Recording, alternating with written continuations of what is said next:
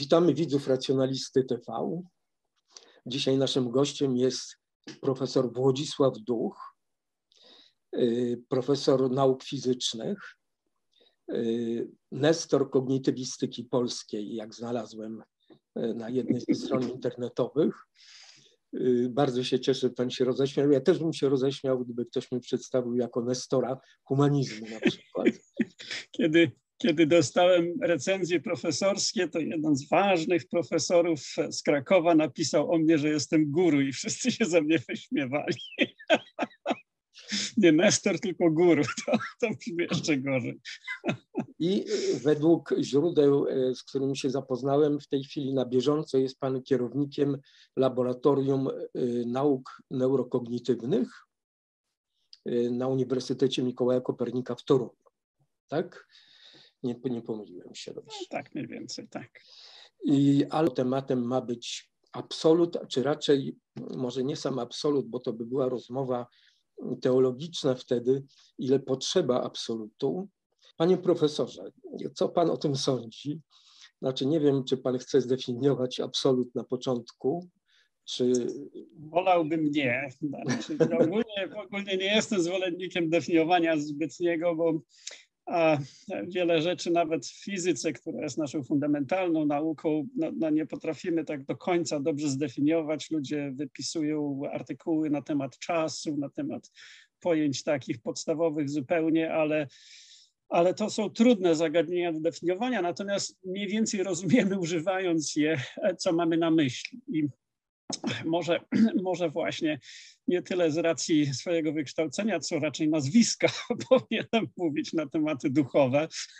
Więc może zacznę od czegoś, co, co, co mi się wio, jakoś kojarzy z tą potrzebą absolutu e, i co czasami cytowałem w kilku artykułach. Mianowicie no, takim naszym wielkim autorytetem jest Einstein. Tak naprawdę ja mam nawet taką genealogię naukową, prawda, od Einsteina przez, e, przez Infelda i pozostałych, bo się każdy fizyk podczepia pod jakieś takie drzewo. Otóż e, Einstein był często pytany na temat religii. E, no i w liście do rabina z 50 roku, 1950 roku, który jest autentyczny. Znaczy problem z Einsteinem, jak wiemy, to jest taki, że mu przypisują tysiące różnych wypowiedzi, których nigdy nie głosił, ale to jest e, list w spisie takich jego dzieł i listów wszystkich. Otóż po, po, spróbuję to zacytować i raczej przeczytać niż zacytować. Człowiek doświadcza siebie samego, swoich myśli i uczuć jako czegoś odrębnego od reszty. Jest to rodzaj złudzenia optycznego świadomości. To złudzenie jest dla nas rodzajem więzienia, ograniczając nas, nas, e, ograniczających nas osobistych pragnień i związków uczuciowych z kilkoma najbliższymi osobami. Naszym zadaniem jest wyzwolić się z tego więzienia, poszerzając obszar naszego zrozumienia i współczucia, aż ogarnie on wszystkie żyjące istoty i całą naturę w jej pięknie. Nikt nie jest w stanie tego w pełni osiągnąć, ale wysiłek w tym kierunku jest sam w sobie częścią wyzwolenia i podstawą wewnętrznego bezpieczeństwa. To jest taki cytat, który no, no, wyrażał e, pewne odczucia panteistyczne, można by powiedzieć, które niektórzy z nas zajmujący się nauką mają i których ja bym nie lekceważył, bo, bo rzadko myślimy o kosmosie, prawda? Mamy za dużo świateł w naszych miastach, ale jeśli się wyjedzie daleko za miasto albo przepraszam, się przepraszam. na pustyni. Tak. Czytał pan Rasla esej o kometach? Nie. Bo on właśnie dokładnie to powiedział, co pan przed chwilą powiedział, że za dużo światła Aha. i nie widzimy już. No tak, no za dużo. W każdym razie ja kiedyś byłem na pustyni w Egipcie i widać było w drogę mleczną i całe niebo w niesłychanie wyrazisty sposób. My o tym zapominamy, że żyjemy w wszechświecie, który jest no, niesamowity, prawda? W wszechświecie, w którym się dzieją takie rzeczy jak wybuchy super, supernowej, dzięki czemu powstaje ciężka materia, dzięki czemu w, w planety, prawda, e, takie na, na jakie żyjemy, mają te wszystkie związki, e, z których składa się nasze ciało i bez których nie moglibyśmy powstać, prawda? Mamy, mamy właśnie jakieś supermasywne czarne dziury, które w tej chwili widzimy, ich oddziaływanie na całą czasoprzestrzeń. Mamy 2000 miliardów galaktyk, a w każdej kilkaset miliardów gwiazd. To jest, to jest wszechświat niesamowity. Ja muszę powiedzieć, że, że no, no, nie mogę sobie wyobrazić, żeby było coś ponad takim wszechświatem, jakiś absolut, który, nie wiem, to wszystko tworzy, a jednocześnie, żeby ten absolut się jakoś zainteresował jednym z zylionów, prawda, istot, które mogą tutaj żyć. To jest, to jest dla mnie tak absurdalny pomysł, prawda, że, że oto w tym ogromnym wszechświecie, który trwa miliardy lat, jakoś jestem tak ważny, to jest po prostu jakaś mania gigantyczna wielkości, że jestem tak ważny, że cały czas się, się o mnie troszczy jakiś absolut. A z drugiej strony jest to pewne odczucie, które każdy by chciał mieć, prawda? Mieliśmy rodziców, mieliśmy opiekunów i wydaje mi się, że nie do końca potrafimy się chyba wyzwolić od tej od tej potrzeby, żeby ktoś się nami zaopiekował. Japończycy mają nawet takie słowo amae, które oznacza takie zachowanie, które ma wywołać u e, osób wokół e, instynkt opiekuńczy. I myślę, że my czasami mamy to odczucie takie amae, że chcielibyśmy, żeby się jakaś e, no, wyższa istota, czy coś, co, co jest w stanie się nami zaopiekować. To może być, nie wiem, władca, dobry pan na przykład. To, co mnie razi na przykład, kiedy, kiedy czasem e, odwiedzam e, w celach e, takich właśnie obejrzenia, jak to wygląda jeszcze, różne, różne ceremonie, to słuchanie nasz Pan bo to jest pewna pozostałość taka chyba jednak z czasów, kiedy niewolnictwo było powszechne, prawda? I kiedy jednak był król, który był tym naszym panem, bo on był namaszczony przez jeszcze wyższą istotę. Była ta wielka hierarchia, prawda? E, I e, to, że, że, że, chcielibyśmy, tak jak małe dzieci, żeby się ktoś nami opiekował, to, to jest pewnie silna potrzeba, która tkwi w ludziach która jest być może jedną z tych przyczyn, które które e, wskazują na to, że, że ta potrzeba e, czegoś, co nas przerasta, czegoś, czemu możemy poświęcić się, jest bardzo silna. No i to ma, to ma mnóstwo wątków. Z jednej strony wiemy, że ludzie wpadają e, w pułapki różnych jakichś sekt, prawda, różnych jakichś grup takich, również politycznych, niekoniecznie sekt religijnych, dlatego że one im dają poczucie e, tego, że są ważni e, dla jakiejś większej sprawy, prawda? To poczucie takie, że ja jestem częścią e, pewnej większej całości i że, i że może właśnie ta, ta całość dużo więcej znaczy, więc w związku z tym jest to, jest to moje odniesienie się do czegoś ważniejszego i absolutu jest, jest wiele wątków, które tutaj się pojawiają. Ja, ja, jako student byłem bardzo zainteresowany różnymi mistycznymi doznaniami. Ach, tak? I w związku z tym naczytałem się na temat psychologii transpersonalnej, która może u nas jest jakoś mało znana, ale jest to towarzystwo transpersonalne. Kiedyś nawet miałem okazję wygłosić tam referat e, e, w Oslo, jak i, jak i w Warszawie jest takie towarzystwo, jest czasopismo pod tytułem właśnie e, Transpersonal Psychology. E, to, to nie jest część taka psychologii powiedzmy mocno naukowej i rzadko chyba jest jednakże psychologom przedstawiana, ale jednym z założycieli tego towarzystwa był Abraham Maslow, który był też jednym z najważniejszych psychologów XX wieku, który tworzył psychologię humanistyczną. No i jak pamiętamy, jest ta piramida Maslowa, prawda? Piramida Maslowa, która się zaczyna od tych potrzeb podstawowych, które każdy ma, potem właśnie jakieś potrzeby, potrzeby relacji społecznych, e, e, uznania i tak dalej, ale na szczycie tego wszystkiego to jest ta potrzeb, potrzeba samorealizacji, która, która jest nie do końca zdefiniowana, ale jak pamiętamy, Maslow robił pewne ankiety takie, jak, e, jak czują się ludzie, którzy są spełnieni, którzy osiągnęli pewne, pewną pozycję w życiu, których no właśnie niewiele rzeczy powinno martwić i, i doszedł do wniosku na podstawie tych ankiet, że, że wiele z tych osób przeżywa pewnego rodzaju epifanię właśnie, przeżywa to zdumienie wielkością wszechświata, prawda? Od czasu do czasu no, czujemy się tak, jakbyśmy się przebudzili i jest to niesamowite miejsce, w którym się znajdujemy. I to, no, to nie zależy od tego, że, że, nie wiem, że mamy jakieś przeżycia religijne, prawda? ale jest to coś, co jest częścią naszej natury, jak się wydaje. I w związku z tym ta część natury czasami jest ukierunkowywana przez różne konteksty społeczne w taki sposób, że wielu ludzi wiąże to z określoną religią, I ta religia, no, no jak wiemy, mamy, mamy na świecie no, takich większych religii pewnie około 60, prawda? Niektóre z nich niesłychanie dziwne, ale e, kiedy myślimy o religii w Polsce, to oczywiście ludzie myślą o religii katolickiej czy, czy chrześcijaństwie szerzej e, rozumianej, ale, ale religii jest mnóstwo i to bardzo dziwnych na świecie. Niektóre, jak wiemy, no właśnie, ostatnio trafiłem na tych e, realian, które w latach 70. to jest druga duża religia taka odwołująca się do UFO i kosmitów. Ale to chyba są Raelianie, a nie Re. Raelianie, przepraszam, tak, Raelianie. Tak, tak, tak. Oni, oni się, uważają, oni się uważają za ateistów. Oni, to, jest, to jest właśnie też ciekawe, prawda? Mamy religię, gdzie ludzie się uważają za ateistów, a jednocześnie też widać u nich pewną taką potrzebę przekroczenia siebie, prawda? Więc e, wydaje mi się, że to jest głęboka potrzeba psychologiczna, którą ludzie zajmujący się psychologią transpersonalną próbują, próbują badać, prawda? I jakoś opisywać.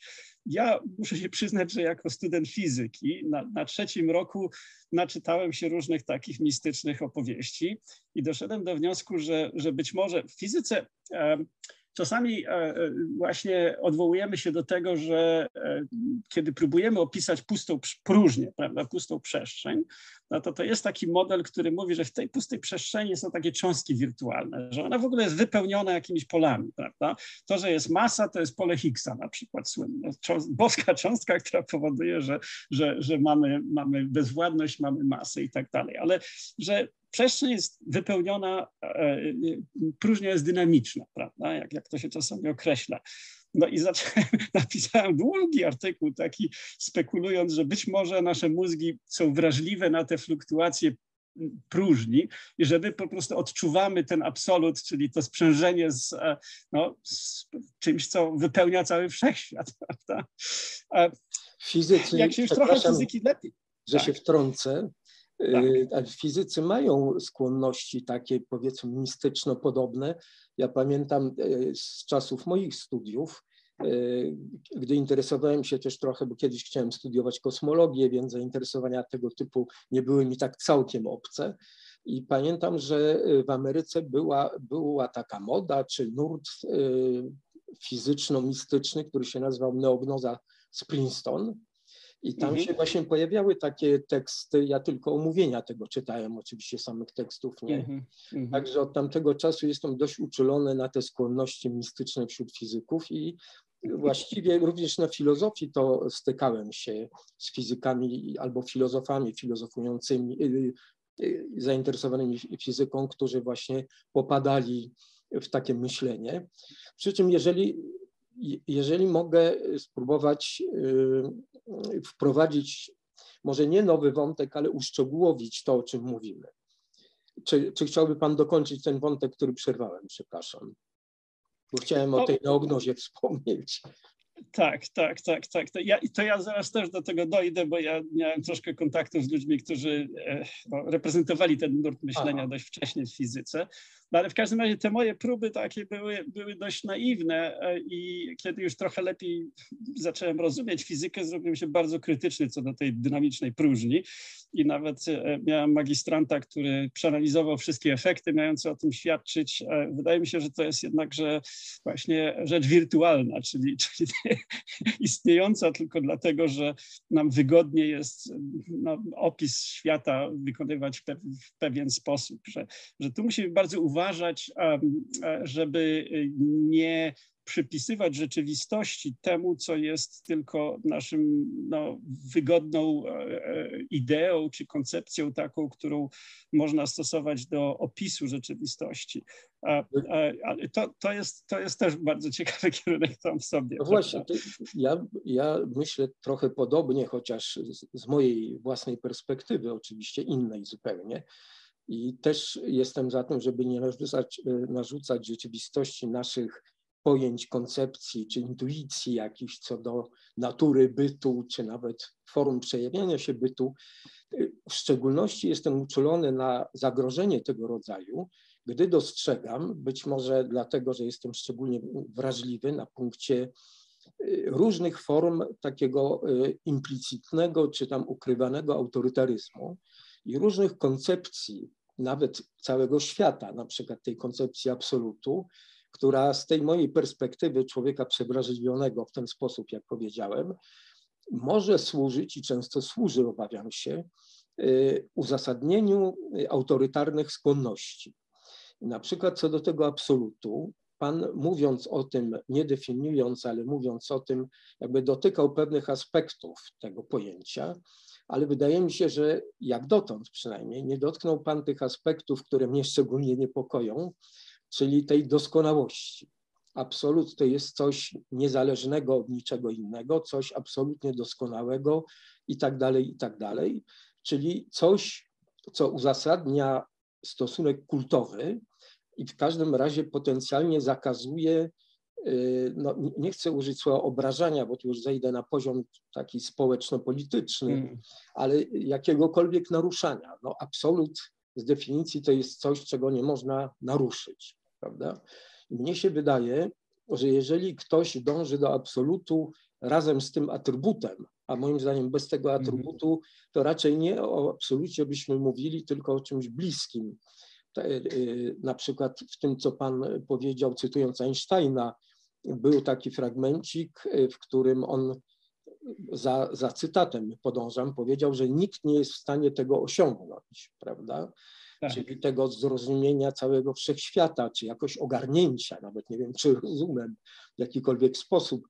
I już to moim zdaniem jest znak, że on nie rozumiał tego wszechświata jako absolutu, czy naszej tęsknoty do zrozumienia, bo podkreślił, że nikt nie jest w stanie tego osiągnąć, czyli to było, to, to był to było naukowe w tym sensie, prawda, że była świadomość tej niemożności, czy, czy, czy nie było w każdym razie próby narzucenia tego myślenia jako absolut, zdążającego do absolutu, czy wyrażającego tęsknotę do absolutu, mhm. rozumianego jako coś, czego nie można naruszyć, bo nie jesteśmy w stanie tego, bo w absolucie jest też pojęcie prawdy absolutnej, prawda?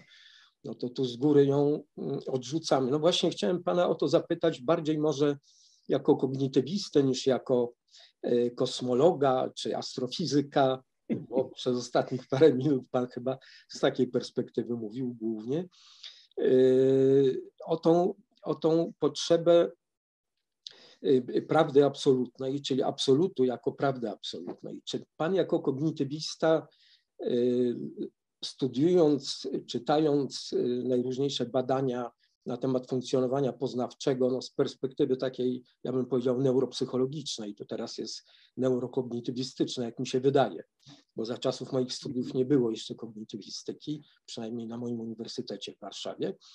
E, czy, czy jakiekolwiek e, dostrzegł Pan, nawet jeśli nie dowody, to argumenty w wynikach badań, choćby pośrednio wskazujące na to, że my wszyscy mamy potrzebę e, tej prawdy absolutnej, czy absolutu rozumianego jako prawdę absolutną, czy, czy, bo ja, ja się nie dopatrzyłem tego. Znaczy, ja wiem, że niektórzy mhm. ludzie używają tego pojęcia po to, żeby na przykład bronić prawa do y, twardego, y, twardej obrony dogmatu, czy właśnie tej prawdy absolutnej, która jeśli o niej mówimy, wypowiadamy jakieś zdanie, to ono ma wtedy charakter dogmatyczny, no bo prawda jest absolutna.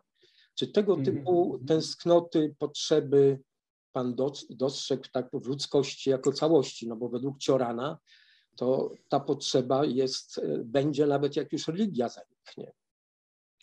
No cóż, no, no, na filozofowie różne rzeczy mówią, jak wiemy. Ja patrzę na to bardzo jednakże może praktycznie czy, czy naiwnie, nie wiem jak to określić, ale e, jest bardzo trudno zrozumieć w pełni ludzkie zachowanie i potrzeby ludzkie ze względu na to, że jest milion rzeczy, które na nas wpływają. Jest ostatnio ta świetna książka Sapolskiego Roberta właśnie e, Zachowuj się. E, I on tam podkreśla bardzo mocno, że no, są przyczyny biologiczne, które powodują, że nasze zachowanie jest takie, a nie inne. Na razie e, nasza znajomość różnych czynników biologicznych, która wpływa na nasz, na nasz sposób patrzenia na świat, jest dość ograniczona i możemy przewidzieć nasze zachowania, no powiedzmy w 50%, ale co rusz dodajemy nowe, nowe, nowe czynniki i coraz lepiej to przewidujemy. I a, jest szereg przykładów pokazujących, jak bardzo złożone są oddziaływania zarówno E, ekosystemów, e, sposobu wiem, produkcji żywności, e, stylu życia, prawda, który może być kolektywny. On tam piękny przykład wyciąga taki z, z artykuł z 2014 roku Science, pokazujący jak w północnych Chinach, gdzie się hoduje, gdzie się hoduje pszenicę, co jest wyjątkowe w Chinach, bo w większości jednakże ludzie żyją z hodowli ryżu. Cała Azja Południowo-Wschodnia to jest, to jest hodowla ryżu jak zupełnie inne jest nastawienie ludzi do świata, które na północy jest bardzo indywidualistyczne, podobne jak na zachodzie, e, a na południu jest kolektywistyczne. No i teraz widać, jak, jak silne są różnice indywidualne pomiędzy grupami ludzkimi, prawda? Tylko z tego powodu, że są to grupy, które no, rozwijały się przez tysiące lat w różnych warunkach, prawda? I w tej chwili to, co udaje się nam zrozumieć, to jest po pierwsze tak, selekcja pewnych genów, które wpływają na układ nagrody i motywacji i które e, w pewnych wariantach, to się akurat nazywa ten wariant 7R, takiego, takiego genu dopamin, receptora dopaminy, który jest związany z układem nagrody, prawda? W pewnych wariantach ten gen e, sprzyja właśnie indywidualizmowi, poszukiwaniu nowości i tak dalej. Można zobaczyć, że im dalej ludzie zaszli poprzez cieśninę Beringa w Ameryce na południe, tym e, większy procent wariantu tego genu. Czyli ci ludzie, którzy byli odważni i szukali nowości, e, to po prostu byli ci, którzy mieli akurat taki wariant genu i w związku z tym ten wariant tam jest w 70%. On w Europie jest w 20-30% co najwyżej, a w Chinach, gdzie hodowano ryż, 1%. 1 na 100. Jest, no, różnica jest dramatyczna i ta różnica wynika z selekcji, która jest związana z tym, że tam nie poszukiwano nowości, tam była ogromna stabilność, prawda? I, jeden z tematów przewodnich takich, ja, ja mam wykłady do, dotyczące właśnie wstępu do kognitywistyki, jeden z takich przewodnich e, tematów to jest stabilność i plastyczność. My chcemy się zmieniać, bo inaczej e, zmiana świata spowoduje, że upadniemy. I to dotyczy cywilizacji całych, prawda? Cywilizacje, które były bardzo stabilne, miały, no, no, tak jak egipska czy, czy sumeryjska wcześniej, prawda? miały e, całkiem e, duże sukcesy, przez tysiące lat się dobrze rozwijały, trzymały się stabilnie, miały władców, którzy byli uznawani za bogów i tak dalej, prawda? E, no, upadły, bo się zmieniły warunki. Warunki klimatyczne, no właśnie, jednakże warunki polityczne również na jazdy i tak dalej. I w związku z tym zbytnia stabilność może nas wykończyć. To, co teraz obserwujemy na przykład również w Polsce, to jest to, że są konserwatyści, którzy chcą, żeby wrócić do korzeni, żeby była stabilność a świat się bardzo szybko zmienia. No, rozumiem, że ludzie no, jakoś nie mogą się przystosować, czy, czy niełatwo im zrozumieć, że, że świat się szybko zmienia i powinniśmy właśnie dlatego jednakże być bardziej plastyczni w tym okresie niż, niż tacy konserwatywno-plastyczni, e, e, tak, tacy właśnie zachowawczy, prawda? No ale w każdym razie... A jak z tym genem e, jest w Polsce? Bo pan powiedział, że w Europie 20-30%, nie wiem, nie wiem czy, są, czy są dane takie specyficznie dla Polski. To się ogólnie mówi, że ludzie pochodzenia europejskiego w Ameryce czy, czy, czy w Europie mniej więcej to, to mają to, to, to, to wariant e, genu 7R, e, e, który jest właśnie mniej więcej 20% go ma. I że od tego na przykład zależy, ile patentów ludzie składają. Bardzo wiele rzeczy się z tym wiąże. Naprawdę jest tysiąc różnych rzeczy dotyczących zachowania i typów osobowości, które można by zbadać, prawda, e, w świecie, które się wiążą właśnie z układem motywacji, nagrody, który nas siedzi. I teraz to nie jest tak, że w naszej głowie siedzi jakaś potrzeba, potrzeba absolutu, czy jakiś Bóg, tak jak słyszeliśmy na ostatnim spotkaniu, prawda, że to jest absurd, że ludzie szukają Boga e, za pomocą metod neuroobrazowania.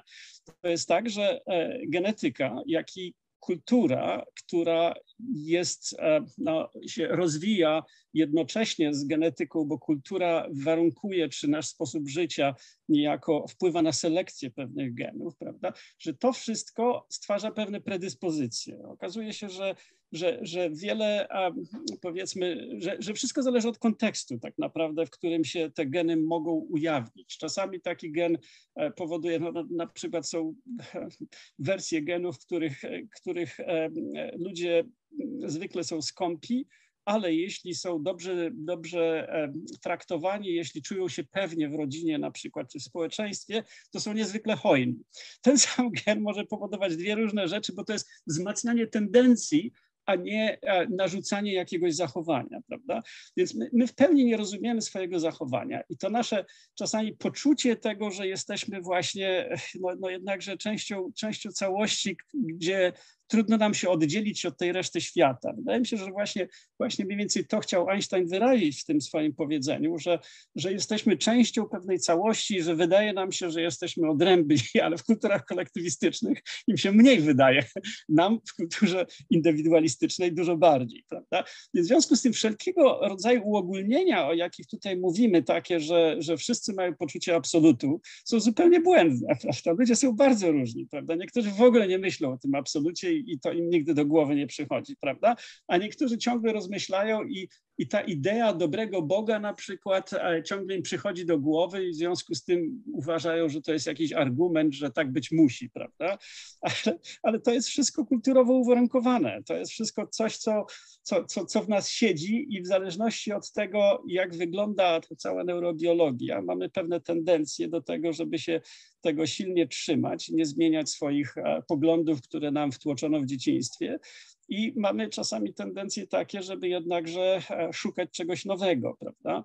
E, I tych ludzi, jak widać również w Europie, którzy chcieliby szukać czegoś nowego, E, a przynajmniej sądząc po, po rozpowszechnieniu wariantu 7R genu e, receptorów dopaminowych, e, no, no, nie jest tak dużo. Może to jest właśnie te, te, te 20%, prawda?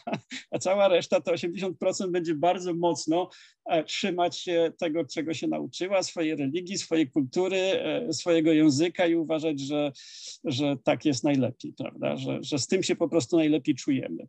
Chciałem y, bardziej być może spróbować rozróżnić między potrzebą religii czy potrzebą Boga, a tą potrzebą absolutu. I też po tych moich rozmowach ze znajomymi wierzącymi albo którzy pamiętają siebie z czasów, kiedy byli wierzący, żadne z nich nie przyznało się, wspominając siebie, czy swoje potrzeby, czy emocjonalną stronę swojej religijności, do tego, że w niej była jakaś potrzeba wyczuwalna, czy dostrzegalna intelektem, a niektórzy z nich to są bardzo tacy intelektualnie rozbudzeni ludzie, tej potrzeby absolutu nie dostrzegali.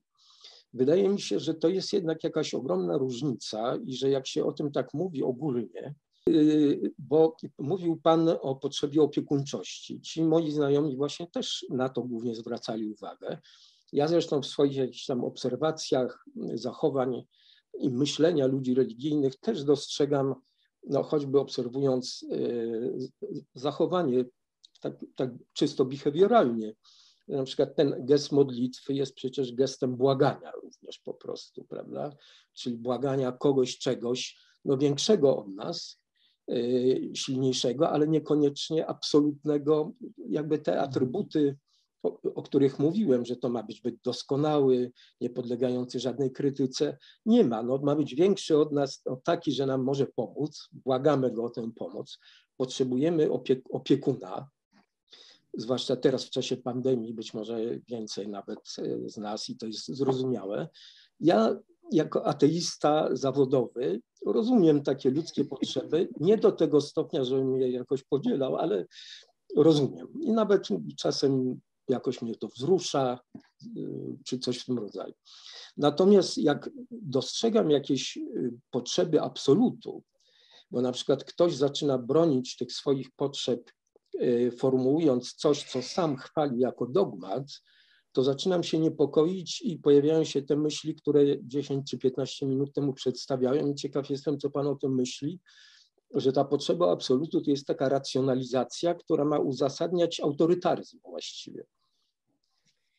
To jest bardzo możliwe. Znaczy, ogólnie rzecz biorąc, wiemy, że intelekt nie służy nam do tego, żeby szukać prawdy, tylko uzasadniać nasze własne przekonania, które są głęboko zakorzenione.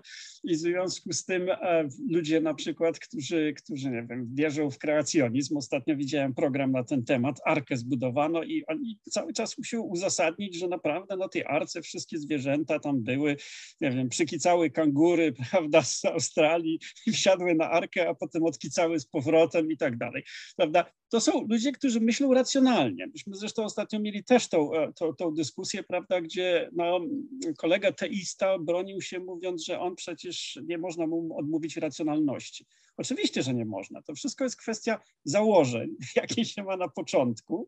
I te założenia, jeśli one są naprawdę głęboko w nas wbudowane, e, no to skończą się tym, że będziemy bronić do upadłego rzeczy, które no, wydają się wielu z nas niewarte takiej obrony. Prawda? E, jak popatrzymy na przykład na właśnie, żeby nawrócić do do źródeł e, na Księgę Wyjścia, prawda, czyli początek Biblii, e, no to pierwsze przykazanie mówi, nie będziesz miał innych bogów oprócz mnie. Mnie to przykazanie bardzo się podoba, dlatego że e, zwrócimy uwagę, że, że mówi to Jahwe, który o sobie mówi jestem, który jestem, czyli nie będziesz miał innych bogów niż to, co jest. A co jest? No to nie wiemy, to musimy zbadać, prawda? I to jest przykazanie naukowca, które mówi, musimy rozpoznać to, co jest, zamiast trzymać się pewnej ideologii. Wydaje mi się, że, że większość tych naszych dyskusji dotyczy tego, że mamy pewne idee, które usiłujemy jakoś tam uzasadniać i do tego używamy naszego mózgu, ale to są idee abstrakcyjne, które trudno jest e, jednakże e, powiązać z czymś, co jest rzeczywiste, prawda? Dlatego wspomniałem o tym, że jest tyle różnych czynników takich biologicznych, które wpływają na nasze zachowanie i psychologicznych również w sensie właśnie oddziaływania kultury i tak dalej, które powodują, że jesteśmy jacy jesteśmy, no i część tego bycia, jacy jesteśmy, to jest właśnie to, że niektórzy z nas e, no, mają górnolotne idee dotyczące, dotyczące e, absolutu i, i wydaje im się, że wiem, dzięki temu, że myślą o tym absolucie, to z jednej strony są lepiej zaopiekowani, prawda? Ta idea taka, że bóstwo jest opiekuńcze, które jest, jak wiemy, zupełnie fałszywa, prawda? Jeśli popatrzeć w historii, ja czasami studentom opowiadam o tym, jak tam w 1752 roku, zdaje się, nastąpiła e, zagłada Lizbony słynna, która się odbiła echem w całej Europie, prawda? Wolter pisał na ten temat poematy, e, e, dlatego że no, znaczna część, jedna trzecia ludności zginęła na skutek trzęsienia ziemi, a potem tsunami zachowała się dzielnica czerwonych latarni, natomiast kościoły się zawaliły, bo akurat to był 1 listopada i ludzie byli w kościołach i mnóstwo ich zginęło, prawda? Bóstwo nie jest opiekuńcze i to powinniśmy pamiętać, prawda? Ale z drugiej strony właśnie ludzie chcieliby mieć bóstwo opiekuńcze i myślą, że jak, że jak się będą odwoływać do a, jakiejś idei absolutu, to to ich w jakiś sposób może uszlachetnia też tak jest, prawda? Właśnie... To odrywa od rzeczywistości, prawda? Mistycy to nie byli ludzie, którzy e, e, chcieli e, poprzez rozmyślania dotrzeć do jakiegoś absolutu, chociaż tak było często w historii jednakże mistycyzmu zachodniego, ale to często byli ludzie, którzy usiłowali głębiej zrozumieć i tutaj ten mistycyzm wschodni się kłania właśnie, jak, działają, jak, jak działa ich umysł, skąd się, skąd się bierze cierpienie na przykład. Cały buddyzm się od tego zaczął, prawda, że, że się ludzie zastanawiali, co jest przyczyną tego cierpienia, szukali tych stanów mentalnych, które są z tym związane. Krótko mówiąc, można by jednak się bardziej skupić nad rzeczywistością, która właśnie e, jest wskazywana przez pierwsze przykazanie, prawda, nie będziesz miał innych bogów przede mną, no, e, i e, pomyśleć o tym, że, że powinniśmy lepiej zrozumieć, jak te nasze mózgi działają. To jest, to jest ta jedna z przyczyn, dla której mnie zainteresowała kognitywistyka jako bardzo szeroka nauka, gdzie e, z jednej strony właśnie są filozofowie umysłu, z drugiej strony są antropolodzy, którzy badają, jak różni ludzie w różnych częściach świata prawda, sobie wyobrażają ten świat, no ale też właśnie coraz więcej wiemy o tym, jak te mechanizmy działają i dlaczego to działa tak, a, a nie inaczej.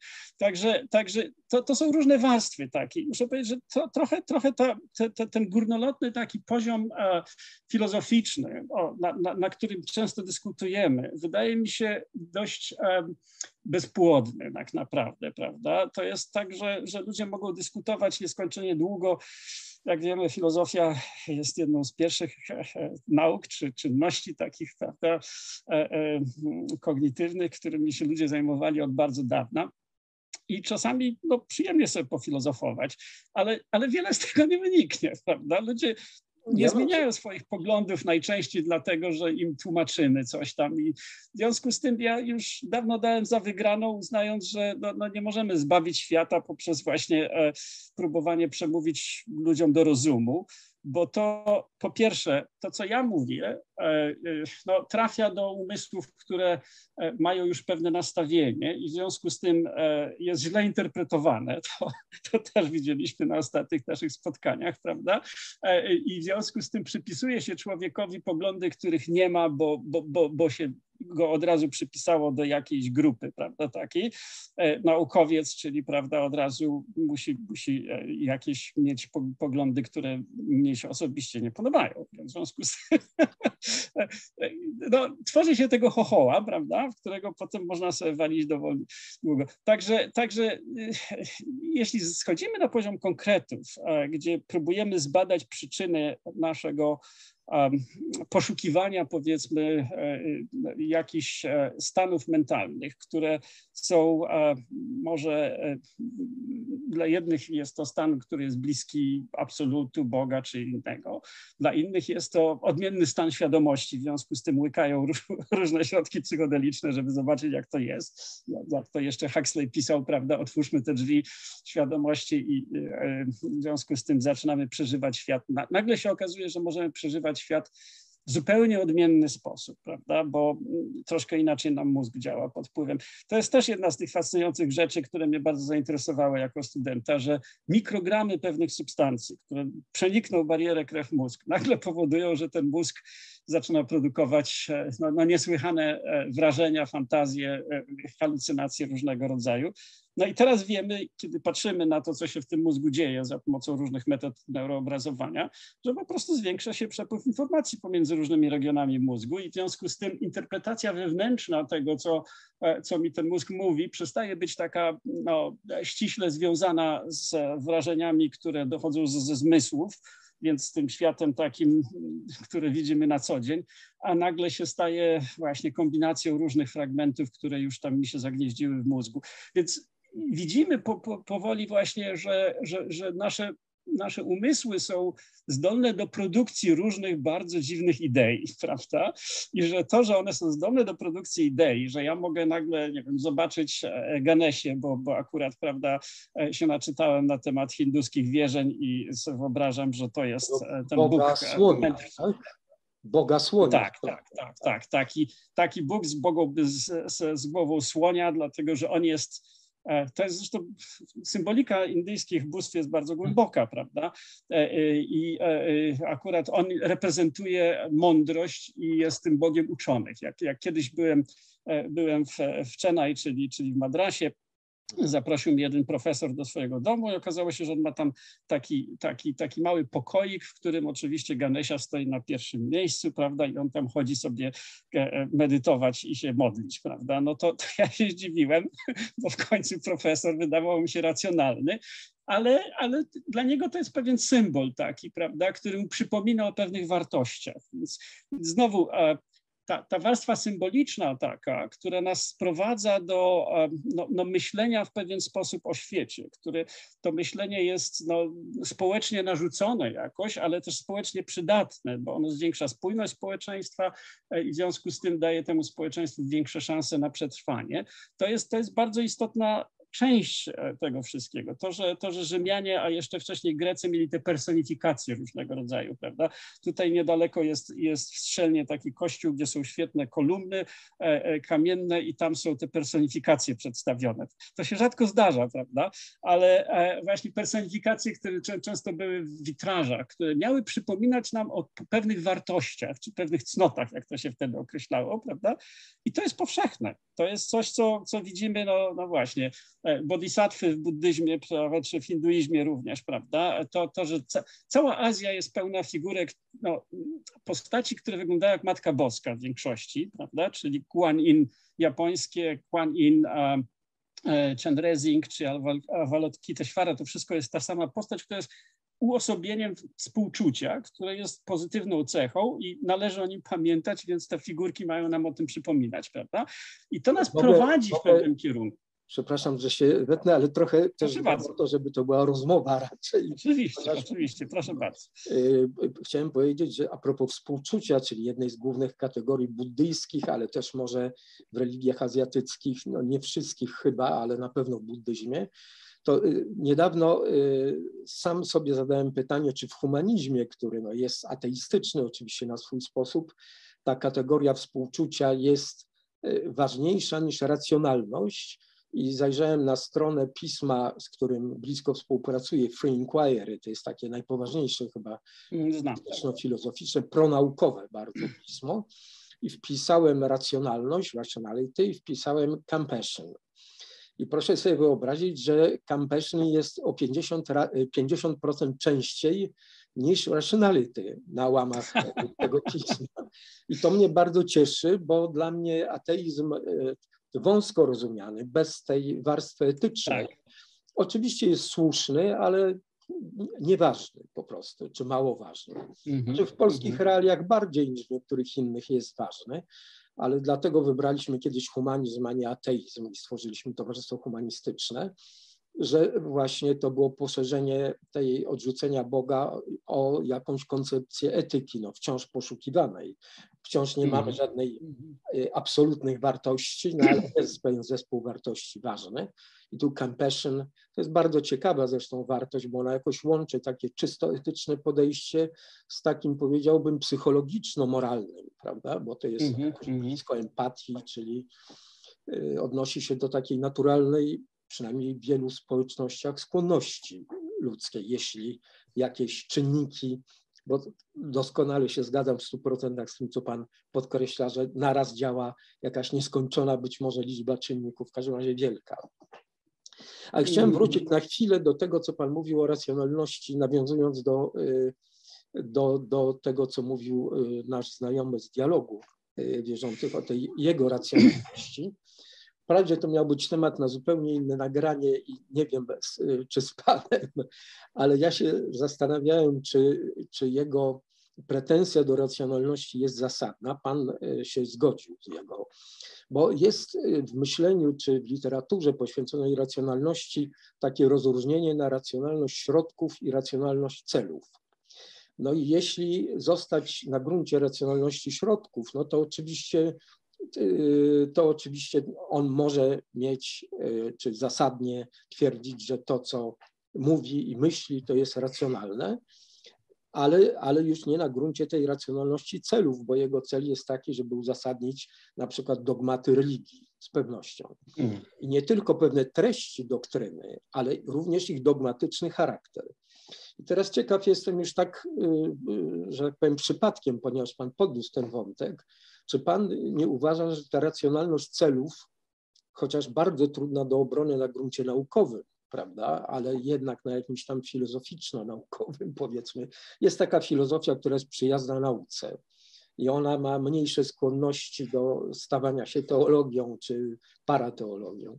Czy Pana zdaniem ta racjonalność celów jednak y, nie jest y, jakby równie ważna jak racjonalność środków, że no jeżeli naszym celem jest udowodnienie, że szczepionki nie tylko nie pomagają, ale zabijają, to wszystko, co mówimy na rzecz tej tezy, y, nawet jeśli samo w sobie nosi pewne znamiona racjonalności, y, to, to jest no, nieracjonalne, ponieważ służy nieracjonalnemu celowi. Poza tym nie. Można oczywiście tak, takie, takie rozróżnienie wprowadzić, ono, ono, ono na pewno jest zasadne. Natomiast e, to jest jednakże bardzo subiektywne rozróżnienie, bo jeśli ja jestem w pełni przekonany, że coś jest złe, i próbuje jakoś uzasadnić e, na wszelkie możliwe sposoby. Trochę tak po trupach do celu ludzie dochodzą. Ja, ja nie odmawiam nie wiem, dobrych chęci ludziom na przykład, którzy w tej chwili zrobili straszny bałagan w naszym kraju, prawda?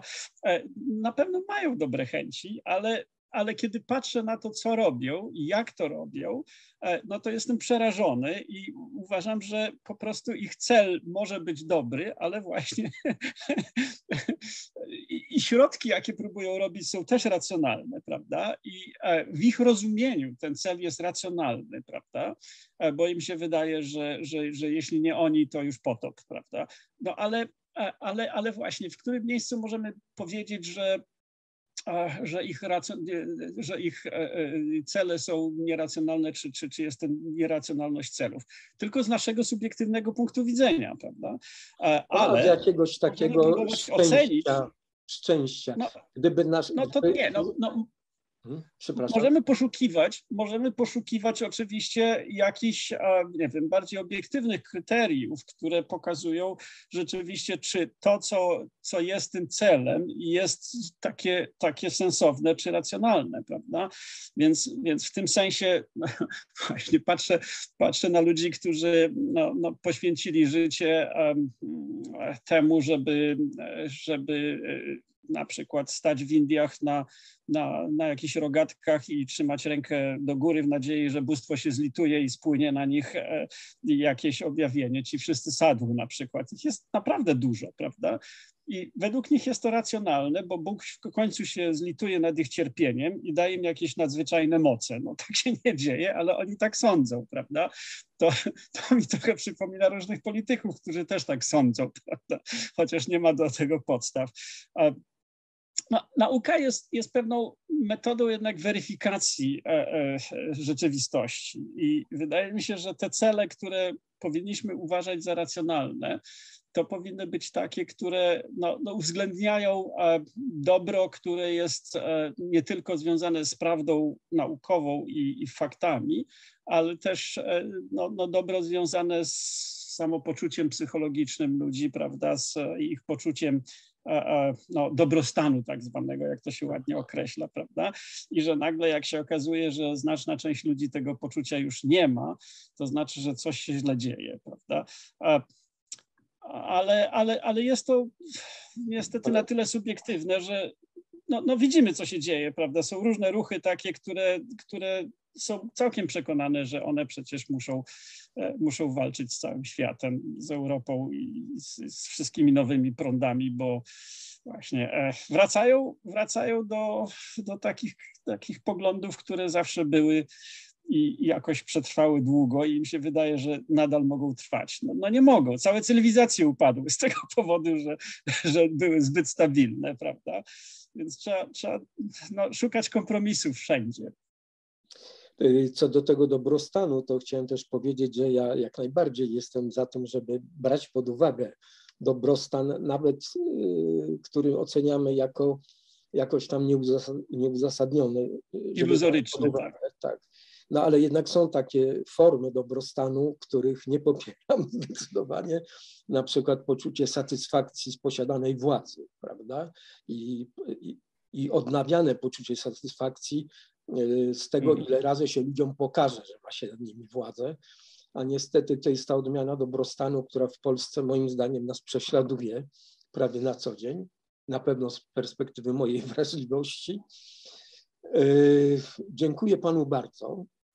Wydaje mi się chyba, że jest coś, co w tej rozmowie jeszcze chciałby pan dodać. Mam nadzieję, że nie będzie to nasza ostatnia rozmowa. Tym bardziej, że czytając o Panu natrafiłem na mm, Pana dorobek w zakresie wyjaśniania e, teorii spiskowych. To jest coś, czym się też interesuję po swojemu. Wprawdzie nie doczytałem tekstu po angielsku, który znalazłem, ale być może. Tekst, tekst, dotyczy właśnie dość specyficznego modelu e, związanego z tym, że kiedy e, zaczynamy wierzyć w teorie spiskowe, to dlatego, że nasze mózgi są do tego skłonne. I pytanie, co powoduje, że nasze mózgi są skłonne, żeby przyjmować pewne pojęcia, a inne odrzucać, czyli dlaczego pewne rzeczy stają się memami w naszym społeczeństwie, których jest no, no dużo subkultur, powiedzmy, różnego rodzaju, ale w niektóre trafia taki mem i się e, jakoś replikuje, prawda, a w niektóre nie.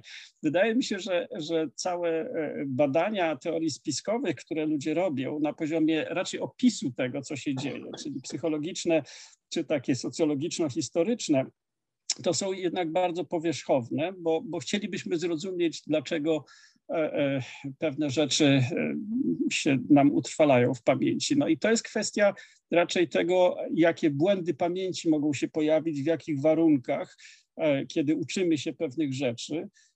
Ta, ta, ta, ta, ta praca, znaczy, która ostatnio się tam pojawiła w Patterns, to jest tak, tak, takie czasopismo Cell Press, bardzo przyzwoite, dotyczy tego, że kiedy emocje nam wzrastają bardzo mocno, to wówczas też wzrasta neuroplastyczność, bo emocje są związane z tym, że się pobudzają różne grupy e, takie neuronów czy, czy jądra takie, które produkują dużo neurotransmiterów.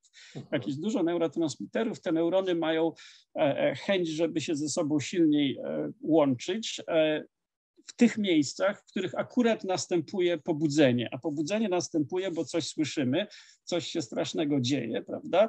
I wówczas nasz, nasza niepewność powoduje, że mózg usiłuje szybko jednak e, zrobić jakąś sensowną teorię. I kiedy nagle okazuje się, że, że jest tragedia, to to wszystko oklapnie i się zamrozi. I jak się zamrozi, no to wówczas nasze skojarzenia są jakie są. My za to nic nie możemy, prawda, że nam przychodzą rzeczy do głowy. Nam się wydaje, że o, ja robię to czy tamto, a tak naprawdę mi przychodzą pewne rzeczy do głowy, które oczywiście e, no, moja osobowość może jakoś, e, czy, czy moje poczucie ja może jakoś próbować e, e, odrzucić, bo nie wszystko, co mi przychodzi do głowy, chciałbym uzewnętrzniać, prawda? E, ale jednak no, no to jest pewien proces spontaniczny, który zachodzi w naszych umysłach. I my tego procesu żeśmy dotychczas w ogóle nie badali, co mnie, co mnie bardzo zdumiewa, prawda? Ja próbuję rozmawiać z różnymi ekspertami od teorii spiskowych i oni w większości mówią, nie, no mózgi są dla nas mało interesujące, bo my się zajmujemy opisem. Prawie, a, a z drugiej strony ludzie, którzy zajmują mózgami, no to wolą robić to na szczurach, prawda? A, na szczurach takich rzeczy nie zrobią. Ja mam y, taką y, koncepcję, no w zarysie oczywiście, która wyjaśnia to, co się w tej chwili dzieje, czyli ten zwrot ku teoriom spiskowym, trochę historycznie, ale głównie jednak ewolucyjnie. I to jest jakaś tam modyfikacja przyjętej w tej chwili dość powszechnie w psychologii ewolucyjnej teorii religii jako produktu ubocznego Y, takiej adaptacji, która y, no, głównie sprowadza się do takiego tendencji do domyślenia się działającego intencjonalnie podmiotu, nawet gdy mamy do czynienia ze mhm. zjawiskami naturalnymi. Ale to może potraktujmy ten wątek jako zapowiedź, ewentualnie rozmowę na ten temat. Ja jeszcze poczytam i pomyślę, y, doczytam do końca pański artykuł, nawet jeśli nie istnieje po polsku, zadam sobie trud i dziękuję bardzo za rozmowę o absolucie. Mam nadzieję, że jakoś skruszyliśmy choć troszkę tę rzekomą powszechną i nieodłączną od człowieka potrzebę absolutu, otwarcia na absolut, zwłaszcza w tej służebnej rzekomo relacji, bo to mnie najbardziej martwi. Gdyby ta potrzeba nawet miała istnieć, to bym wolał, żeby nie była służebna.